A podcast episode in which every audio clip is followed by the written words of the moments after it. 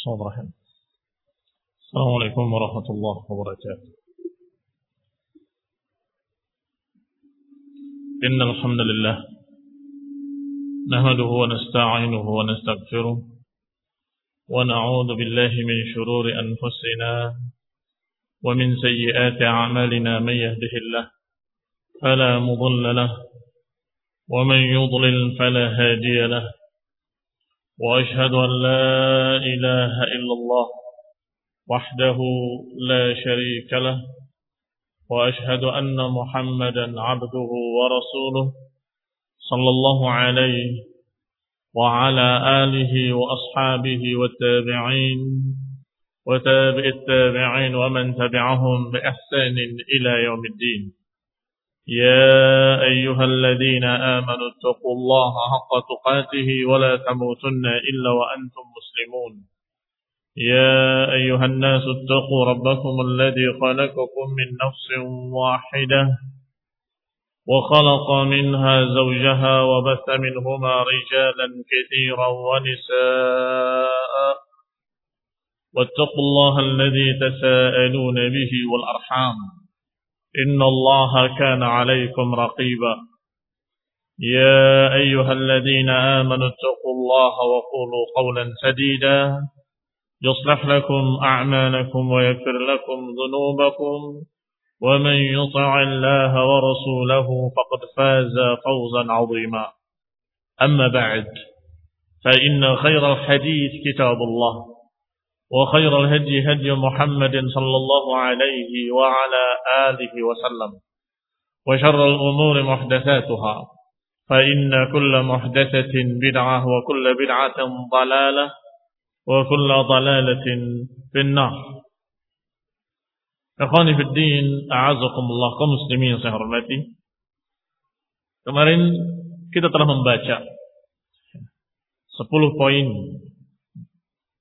untuk menyatakan bahwa ayah la tadullu alaihi. Bahwasanya kaunun nas takallamu hina idin wa aqarru bil iman.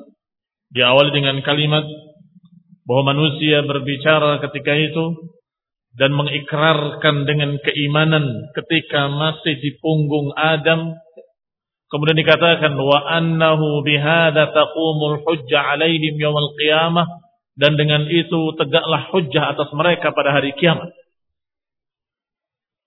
ini khonilina azakumullah yang disebutkan dan dinukil dalam kitab tersebut dalam kitab yang sedang kita bahas tapi disebutkan dalam footnote-nya bahwa laisal amr kadzalik. Tetapi yang benar tidak demikian. Bala yakunu hujjah illa bitadkir Rasul. Ini catatan yang pertama. Sehingga kita akan ringkaskan saja dengan dua catatan. Kemudian kita masuk kepada pembahasan berikutnya. Catatan pertama, pendapat yang menyatakan bahwasanya ayat Allah Subhanahu wa taala wa id akhadha rabbuka min bani adam min dhuhurihim dzurriyyatahum Kemudian dikatakan bahwa mereka telah berikrar di punggung Adam dan itu menjadi hujjah. Maka ini tidak rajih. Urusannya tidak demikian. Kenapa? Karena tidak tegak hujjah. Kecuali dengan diutusnya para rasul. Itu hanya berbicara tentang fitrah. Tapi bukan berarti qiyamul hujjah. Saya ulangi, bukan berarti qiyamul hujjah. Pendapat yang menyatakan bahwa itu sebagai tegaknya hujjah atas manusia, itu adalah keliru. Kenapa? Karena ayatnya menyatakan ma kunna mu'adzibina hatta nab'atha rasula. Kami tidak akan mengadab sampai kami mengutus rasul. Berarti yang qiyamul hujjah yang mana? Diutusnya para rasul. Adapun anak lahir dalam keadaan fitrah tidak dikatakan telah tegak hujjah padanya. Tidak dikatakan bahwa telah tegak hujjah padanya sampai diutus Rasul dan sampai kepada mereka berita tentang Rasul baru tegak hujjah. Ini penting. Fa'adahu alladzi taqumu bihi hujjah. Maka dengan diutusnya Rasul itulah yang merupakan tegaknya hujjah. Amal mitsaqul azali al-maqali alladhi yadullu alaihi ayatul a'raf. Adapun perjanjian yang terdahulu yang diucapkan yang disebutkan dalam surat Al-A'raf dan hadis-hadis yang kita baca kemarin fahadha la tahtadi ilaihi binafsiha maka itu tidak akan bisa dipahami oleh akal secara langsung kecuali akal yang dibimbing dengan Quran dan Sunnah ini dengan dalil-dalil dari para rasul. Akan diketahui fitrah yang ada dalam hati atau fitrah yang sudah pernah diikrarkan kecuali atau akan diketahui dengan diutusnya para rasul. Ya ini tidak akal murni, tetapi akal yang dibimbing dengan dalil-dalil. Bala buddha rasul, maka harus adanya seorang rasul yang diutus untuk mengingatkan mereka bahwa mereka pernah mengikrarkan ikrar tentang keesaan Allah Subhanahu wa taala, yaitu al-mitsaq al-azali yang dijuluki dengan mitsaq al-azali. Kemudian yang kedua, catatan yang kedua, ketika dikatakan wa annal ayah dallat ala dzalik. Bahwa ayat dalam surat Al-A'raf menunjukkan hal tersebut, tegaknya hujah tadi. Kemudian dibantah. Wal ayat la tadullu alaihi biwujuh. Bahwasanya ayat tidak menunjukkan hal tersebut dengan sekian sekian sekian. Berbicara tentang masalah sepuluh perkara yang kemarin kita baca.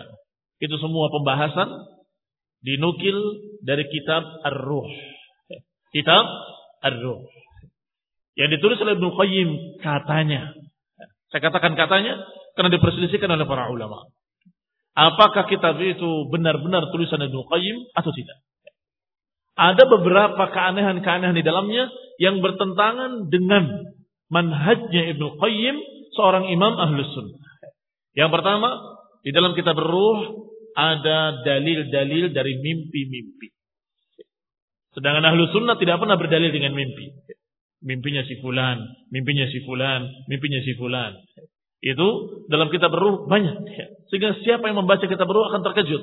Ini Ibnu Qayyim atau bukan yang nulis? Pendapat yang lain menyatakan bahwa buku itu ditulis oleh Ibnu Qayyim sebelum ketemu Syekhul Islam Ibnu Taimiyah. Karena Ibnu Qayyim rahimahullah sejarahnya beliau masih diawali dengan sufi, tasawuf, kemudian ketemu Syekhul Islam, maka dia berguru sampai dia menjadi seorang sunni ahli sunnah. Masya Allah. Rahimahullahu ta'ala.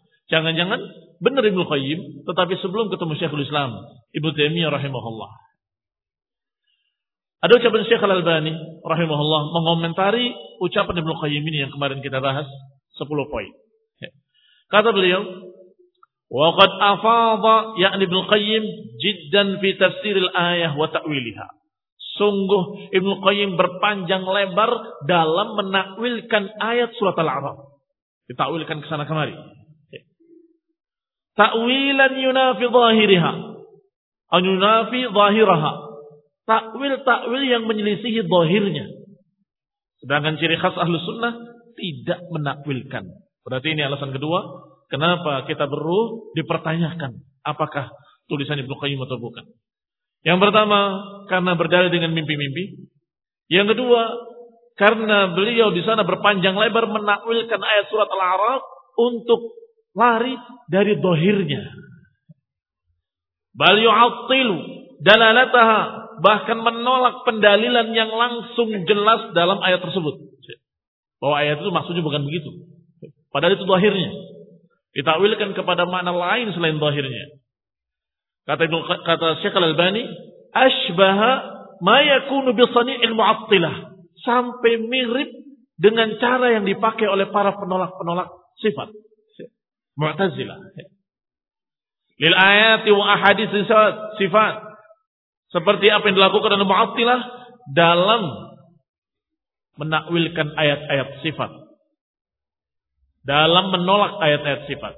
Wahada khilafu madhab Ibn al-Qayyim kata Syekh Al-Albani. Dan ini menyelisihi manhaj Ibn al-Qayyim sendiri. Alladhi ta'allamnahu minhu yang kita pelajari dari beliau rahimahullah wa min syaikhihi Ibn Taimiyah dan kita pelajari dari gurunya Syekhul Islam Ibn Taimiyah berbeda dengan apa yang dikatakan oleh Ibn Qayyim berpanjang lebar untuk menakwilkan ayat dalam surat Al-A'raf. Fala adri limadha kharaja anhu. Kata Syekh Al-Albani, kami tidak tahu kenapa kok dalam buku ini dia berbeda. Tidak bermanhaj dengan manhaj beliau sendiri di kitab-kitab lain. Demikian ucapan Syekh Al-Albani dalam silsilah Al-Ahadits Sahihah juz keempat halaman 161. Demikian pula ketika berbicara tentang penukilan ucapan Ibnul Anbari. Ibn Ketika dibahas dalam poin kemarin mudah masih ingat bahwasanya kata beliau di dalam ayat menyatakan min duhurihim wa min duhurihim jamak dari punggung-punggungnya. Berarti bukan Adam, tapi manusia. Ini seluruh turunan Adam. Artinya lahir begitu. Juga di dalam ayat ada kalimat Bani Adam. Bukan min Adam. Tapi min Bani Adam. Sedangkan hadis menyatakan dengan kalimat diambil dari punggung Adam. Maka ayat ini berbicara lain. Hadis ini berbicara lain. Masih ingat kemarin? Ternyata itu bukan yang pendapat yang rajin. Kenapa? Karena memang kalimat yang disebutkan di dalam ayat tersebut min bani Adam ataupun dalam hadis min Adam tidak ada pertentangan dan ada tariqatul jam'i. Kembali ucapan Syekh Al-Albani. Kata Syekh Al-Albani rahimahullah. Fi kalam Ibn Al-Anbari yang dinukil oleh Ibn Qayyim dalam kitab Ruh ada isyarat yang latifah, yang sangat lembut ila tariqatil jam'i untuk menunjukkan cara menjamak antara ayat dengan hadis. Bagaimana cara menjamaknya? Lihat isyarat yang disebutkan. Yaitu dengan kalimat bahwa diambil dari punggung Adam. Kemudian diambil dari apa yang sudah diambil yang berikutnya. Diambil dari apa yang diambil berikutnya, diambil berikutnya. Sehingga dari Adam atau mimbani Adam sama. Dikatakan dari Adam, betul. Dikatakan dari Bani Adam, betul. Tidak ada yang salah. Dan tidak ada pertentangan antara keduanya. Yani diambil dari punggung Adam, turunan Adam. Dan turunan Adam memiliki punggung-punggung juga, diambil dari punggung-punggung mereka turunannya. Dan dari turunannya terus diambil sampai ke bawah, maka kalimat ini cukup disebut dengan satu kalimat. Dari punggung Adam keluar semua. Atau dikatakan dari turunan Adam keluar semua. Itu tidak ada pertentangan antara keduanya. Maka ayat ini berbicara tentang hadis itu dan hadis itu berbicara tentang hadis ini tentang ayat ini tidak ada pertentangan. Barakallahu fikum. Mudah-mudahan dua catatan penting ini bisa dipaham sehingga menepis kebingungan yang kemarin kita baca karena Ibn Qayyim di dalam kitab Ruh tidak seperti manhaj beliau dalam kitab-kitab lainnya dan yang kedua penulis sendiri atau pensyarah sendiri yaitu Ibn Abdul Aziz Al-Hanafi sepertinya cenderung kepada pendapatnya Ibn Qayyim tadi yang ternyata berbeda dengan manhaj yang benar dari manhajnya beliau sendiri dalam kitab-kitab lain. Baik, kita lanjutkan kepada pembahasan berikutnya.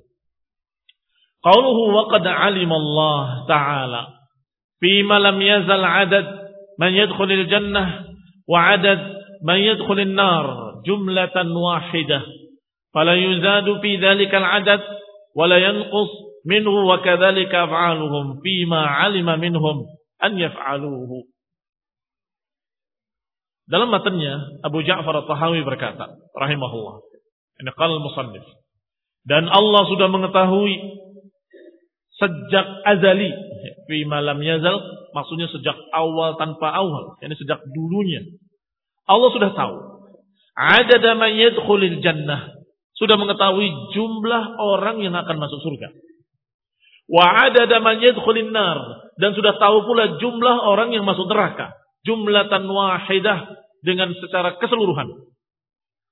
Fala yuzadu fi dzalikal adad, tidak akan ditambah jumlah tersebut, wala yunqas dan tidak akan dikurangi. Wa kadzalika af'aluhum fi ma. Demikian pula perbuatan-perbuatan anak Adam sesuai dengan apa yang telah Allah ketahui bahwa mereka mesti akan melakukannya. Si fulan akan berbuat begini, si fulan akan berbuat begitu, si fulan akan mukmin, si fulan akan kafir. Semuanya sudah Allah ketahui. Demikian kata sahibul matan, wa huwa Abu Ja'far At-Tahawi rahimahullah. Qala Ibn Abdul Aziz Al-Hanafi rahimahullah dalam syarahnya, qala Allah Ta'ala Dan ini mengenai ucapan Allah Subhanahu wa taala, "Innallaha bikulli syai'in alim." Sesungguhnya Allah atas segala sesuatu Maha mengetahui. Ini bantahan tentunya bagi Mu'tazilah yang kemarin sudah kita singgung bahwa mereka berkata, kalau manusia belum berbuat, Allah belum tahu apakah dia akan begini atau begitu. Karena kita masih memilih dan kita bisa memilih itu bisa memilih ini. Maka belum tentu, tidak mungkin Allah tahu. Ini naudzubillah kekufuran dari Mu'tazilah. Bahwasanya Allah tahu semua yang akan dikerjakan dan Allah tahu bahwa dia akan masuk dalam jannah atau masuk dalam neraka. Ini sudah manhaj ahli sunnah dan ini manhaj kaum muslimin secara keseluruhan. Bahwa Allah maha mengetahui sebelum terjadinya, sedang terjadi, dan yang telah terjadi. Qal dan juga dalam surat Al-Ankabut Allah katakan, "Wa kana Allahu bikulli syai'in 'alima." Dan bahwasanya Allah Subhanahu wa taala atas segala sesuatu Maha mengetahui. Wallahu taala mausufun bi annahu bikulli syai'in 'alim. Maka Allah Subhanahu wa taala tersifati dengan sifat bahwa Dia mengetahui segala sesuatu. Azalan wa abadan. Azalan sejak dulunya, abadan selama-lamanya. Azalan ke belakang, abadan ke depan. Saya belum ketemu bahasa Indonesia apa. Kalau ke depan selama-lamanya. Kalau ke belakang selama-lamanya apa namanya? Yang sejak dulu-dulunya. Ini ke depan kan selama-lamanya. Ke belakang selama-lamanya ke belakang apa dalam bahasa Indonesia? Nah, itu bahasa Arabnya azali. Azali wa abadi. Azalan wa abadan. Azalan sejak dulu-dulunya, abadan selama-lamanya. Allah tetap maha mengetahui. Sehingga tidak bisa dikatakan dulunya nggak tahu, kemudian tahu, dan seterusnya. Ada yang ekstrim seperti tadi menyatakan Allah tidak tahu kalau belum berbuat, ada yang di bawahnya dikit, tapi hampir sama. Bukan begitu, Allah tahu. Tapi kalau sebelum menulis takdir, Allah nggak tahu. Jadi dulunya terbatas. Sebelum menciptakan langit dan bumi, sebelum menulis takdir, Allah nggak tahu. Ini juga salah. Azalan sejak dulu dulu dulunya Allah maha tahu akan terjadi begini dan begitu. Sehingga Allah tulis di lauhul mahfuz semua takdir-takdir yang akan terjadi. Lam yataqaddam alai lam yataqaddam ilmuhu bil asya jahalatun. Ilmunya tentang segala sesuatu tidak didahului kebodohan. Tidak pernah didahului kebodohan. Jadi lam yataqaddam jahalatun. Tidak pernah ilmunya tentang segala sesuatu didahului kebodohan. Tidak tahu dulu kemudian tahu itu tidak. Tidak demikian. Wa ma kana rabbuka nasiya dan Allah tidak lupa. Lupa itu setelah tahu jadi tidak tahu. Kalau yang sebelumnya didahului jahalah, tadinya tidak tahu jadi tahu. Dua-duanya manfiyun anillah. Dua-duanya maha suci Allah dari kedua-duanya. Tidak mungkin ada pada Allah. Tidak tahu kemudian tahu. Itu bukan sifat Allah. Atau tadinya tahu kemudian lupa. Kemudian tidak tahu. Itu juga bukan sifat Allah. Nah, dan berbeda dengan ketika Allah Subhanahu wa taala melupakan. Itu bukan maknanya tidak tahu, tapi Allah mengabaikan mereka. Allah mengabaikan mereka. Wa an Ali ibn Abi Thalib radhiyallahu taala anhu qala kunna fi janazatin fi Baqi'il Gharqad. Kata Ali bin Abi Thalib kami pernah mengantarkan jenazah di Baqi' al-Gharqad. Baqi' al-Gharqad nama daerah di mana di sana para sahabat dikubur. Ini kuburan-kuburan para sahabat di Baqi' al-Gharqad. Fa'atana Rasulullah sallallahu alaihi wa ala alihi wasallam. Maka ketika itu datanglah kepada kami Rasulullah sallallahu alaihi wa ala alihi wasallam faqa'ada wa qa'adna haulahu. Maka duduklah beliau faqa'adna haulahu. Maka kami pun duduk di sekitarnya. Wa ma'hu mikhsaratun bersama beliau ranting Fanakkasa ra'sahu. Beliau menundukkan kepalanya. Faja'ala yankut bimikhsaratihi. Mulailah beliau menggambar atau menggaris-garis di tanah dengan ranting tersebut. Thumma qala. Kemudian berkata. Ma min nafsin manfusatin illa waqad kataballahu makanaha minal jannati wan nar. Tidaklah satu orang yang memiliki nafas kecuali Allah telah tuliskan tempatnya di surga atau di neraka. Wa illa waqad kutibat syaqiyah atau sa'idah. Atau kalau tidak sudah ditulis oleh Allah. Apakah syaqiyah atau sa'idah? Apakah dia akan sengsara atau dia akan bahagia? Qala faqala rajulun. Ketika Rasulullah SAW mengatakan seperti itu, berkatalah seseorang, "Ya Rasulullah, afala namkus ala kitabina wa nad'al amal?" Ya Rasulullah, kalau begitu apakah kita tidak diam saja? Nunggu takdir wa nad'al amal dan tidak perlu kita beramal, tidak perlu berusaha? Maka Nabi SAW bersabda, Man kana min ahli sa'adah fasayasiru ila amali ahli sa'adah. Kata Nabi, siapa yang merupakan golongan orang yang akan berbahagia, maka dia akan beramal dengan amalan orang-orang yang berbahagia. Wa man kana min ahli syaqawah, sedangkan orang yang bakal sengsara, yang bakal disiksa nanti, niscaya dia akan beramal dengan amalan orang-orang yang akan disiksa. Ini amalan-amalan kufur, amalan sesat dan seterusnya. Thumma qala. Kemudian Nabi bersabda, I'malu fakullun muyassar lima khuliqa lahu. Maka beramallah kalian. Masing-masing yang akan dimudahkan untuk jalan yang dia diciptakan untuknya. Masing-masing akan dimudahkan kepada jalan yang dia sudah dicatat di jalan itu. Kalau sudah tercatat ahlun nar, akan dimudahkan dia beramal dengan amalan ahlun nar. Siapa yang sudah dicatat sebagai ahli jannah, maka akan dimudahkan dia untuk beramal dengan amalan ahli jannah. Sehingga azakumullah, para sahabat, para tabi'in, para ulama, para orang-orang saleh dari ahli sunnah, kalau berbuat dosa, tergelincir takut. Jangan-jangan saya dicatat sebagai orang yang merupakan ahlun nar. Takut. Sehingga kembali cepat dan kemudian cepat bertobat dan cepat berubah. Khawatir dia sedang dimudahkan ke arah yang jelek. Qala amma ahlul sa'adah fayuyassar. Yassaruna li'amali ahli sa'adah. Maka golongan yang akan berbahagia, golongan ahli jannah akan dimudahkan untuk beramal dengan amalan ahlul jannah. Ahlus sa'adah. Wa amma ahlus syaqawah, adapun mereka orang-orang yang bakal sengsara, bakal disiksa dalam neraka, fayuyassaruna li'amali ahli syaqawah, maka dia akan dimudahkan untuk beramal dengan amalan orang-orang yang bakal sengsara. Amalan orang kafir, orang sesat, dan sejenisnya. Kemudian beliau membaca. Husna fasanuyassiruhu lil yusra wa amma man bakhila wastaghna wa kadzdzaba bil husna fasanuyassiruhu lil usra Adapun orang-orang yang a'ta wattaqa Orang yang memberi sedekah dan bertakwa. Wasaddaqa bil husna dan membenarkan al husna adanya hari akhir membenarkan jannah. Fasanu yassiruhu lil yusra maka kami akan mudahkan dia ke jalan yang mudah. Wa amma man bakhila wastaghna adapun mereka yang bakhil pelit wastaghna dan merasa sombong merasa cukup merasa tidak butuh. Wa kadzdzaba bil husna dan mendustakan hari akhirat, mendustakan jannah. Fasanu yassiruhu lil usra, maka dia akan dimudahkan jalannya menuju jalan yang sulit. Ya.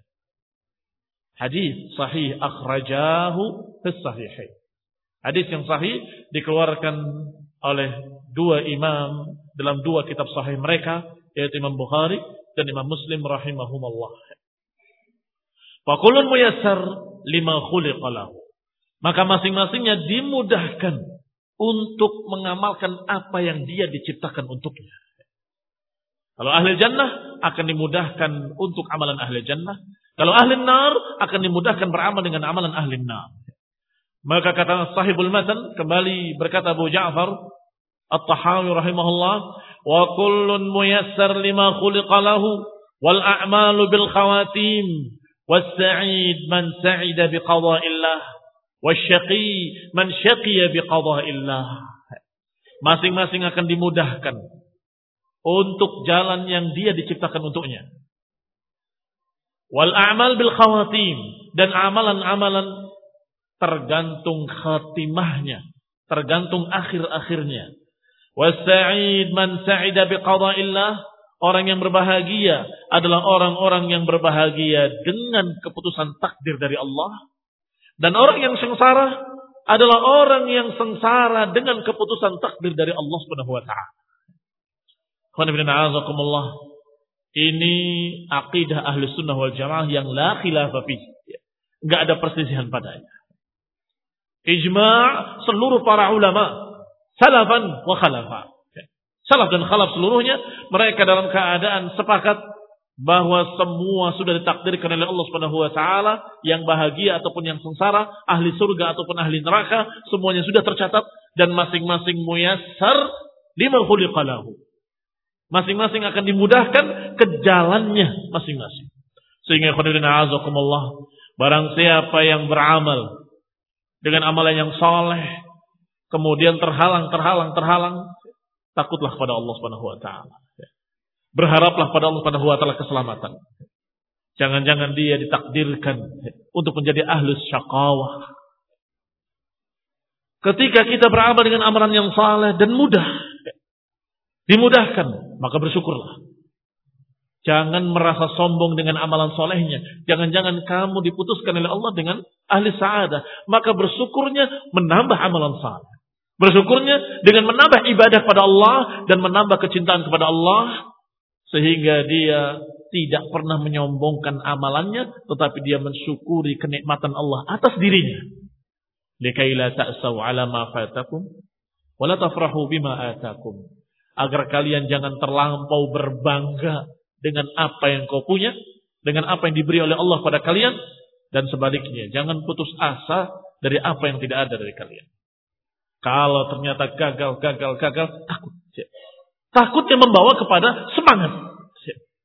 Semangat, saya harus bisa. Takut jangan-jangan saya dihalangi oleh Allah. Maka dia beratap di hadapan Allah. Menangis terseduh-seduh. Ya Allah jangan takdirkan aku ke dalam ahli syakawah. Wala yardul qadha illa doa. Dan tidak bisa merubah takdir kecuali doa dan doamu kalau mendapatkan taufik bisa doa alamat khair. Alamat baik. Kenapa? Karena doa terkabulkan. Insya Allah biidnillahi ta'ala Allah menyatakan ud'uni astajib lakum. Sedangkan masalah takdir dikatakan sudah ditentukan dan tidak akan berubah, nggak akan tambah, nggak akan dikurangi karena doamu sudah tercatat pula di Lauhul Mahfuz. Kalau kamu bisa berdoa, bisa meratap, masya Allah. Berarti alamatul khair. Kamu masih bisa berdoa dan berharap. Berarti akan ditakdirkan yang baik-baik. Tetapi ketika mau doa lupa lagi, mau doa lupa lagi, terus hati-hati. Ini mengerikan. Sehingga kata Umar bin Khattab radhiyallahu taala anhu, aku tidak memikirkan dikabulkan atau tidak dikabulkan. Tapi yang aku pikirkan, apakah aku mendapatkan taufik untuk berdoa atau tidak. Kalau aku mendapatkan taufik untuk berdoa, Allah sudah menyatakan ud'uni astajib lakum. Aku akan kabulkan kata Allah. Tapi sering kali orang tidak mendapatkan taufik untuk berdoa. Akhirnya mereka tidak mendapatkan apa yang diharapkannya.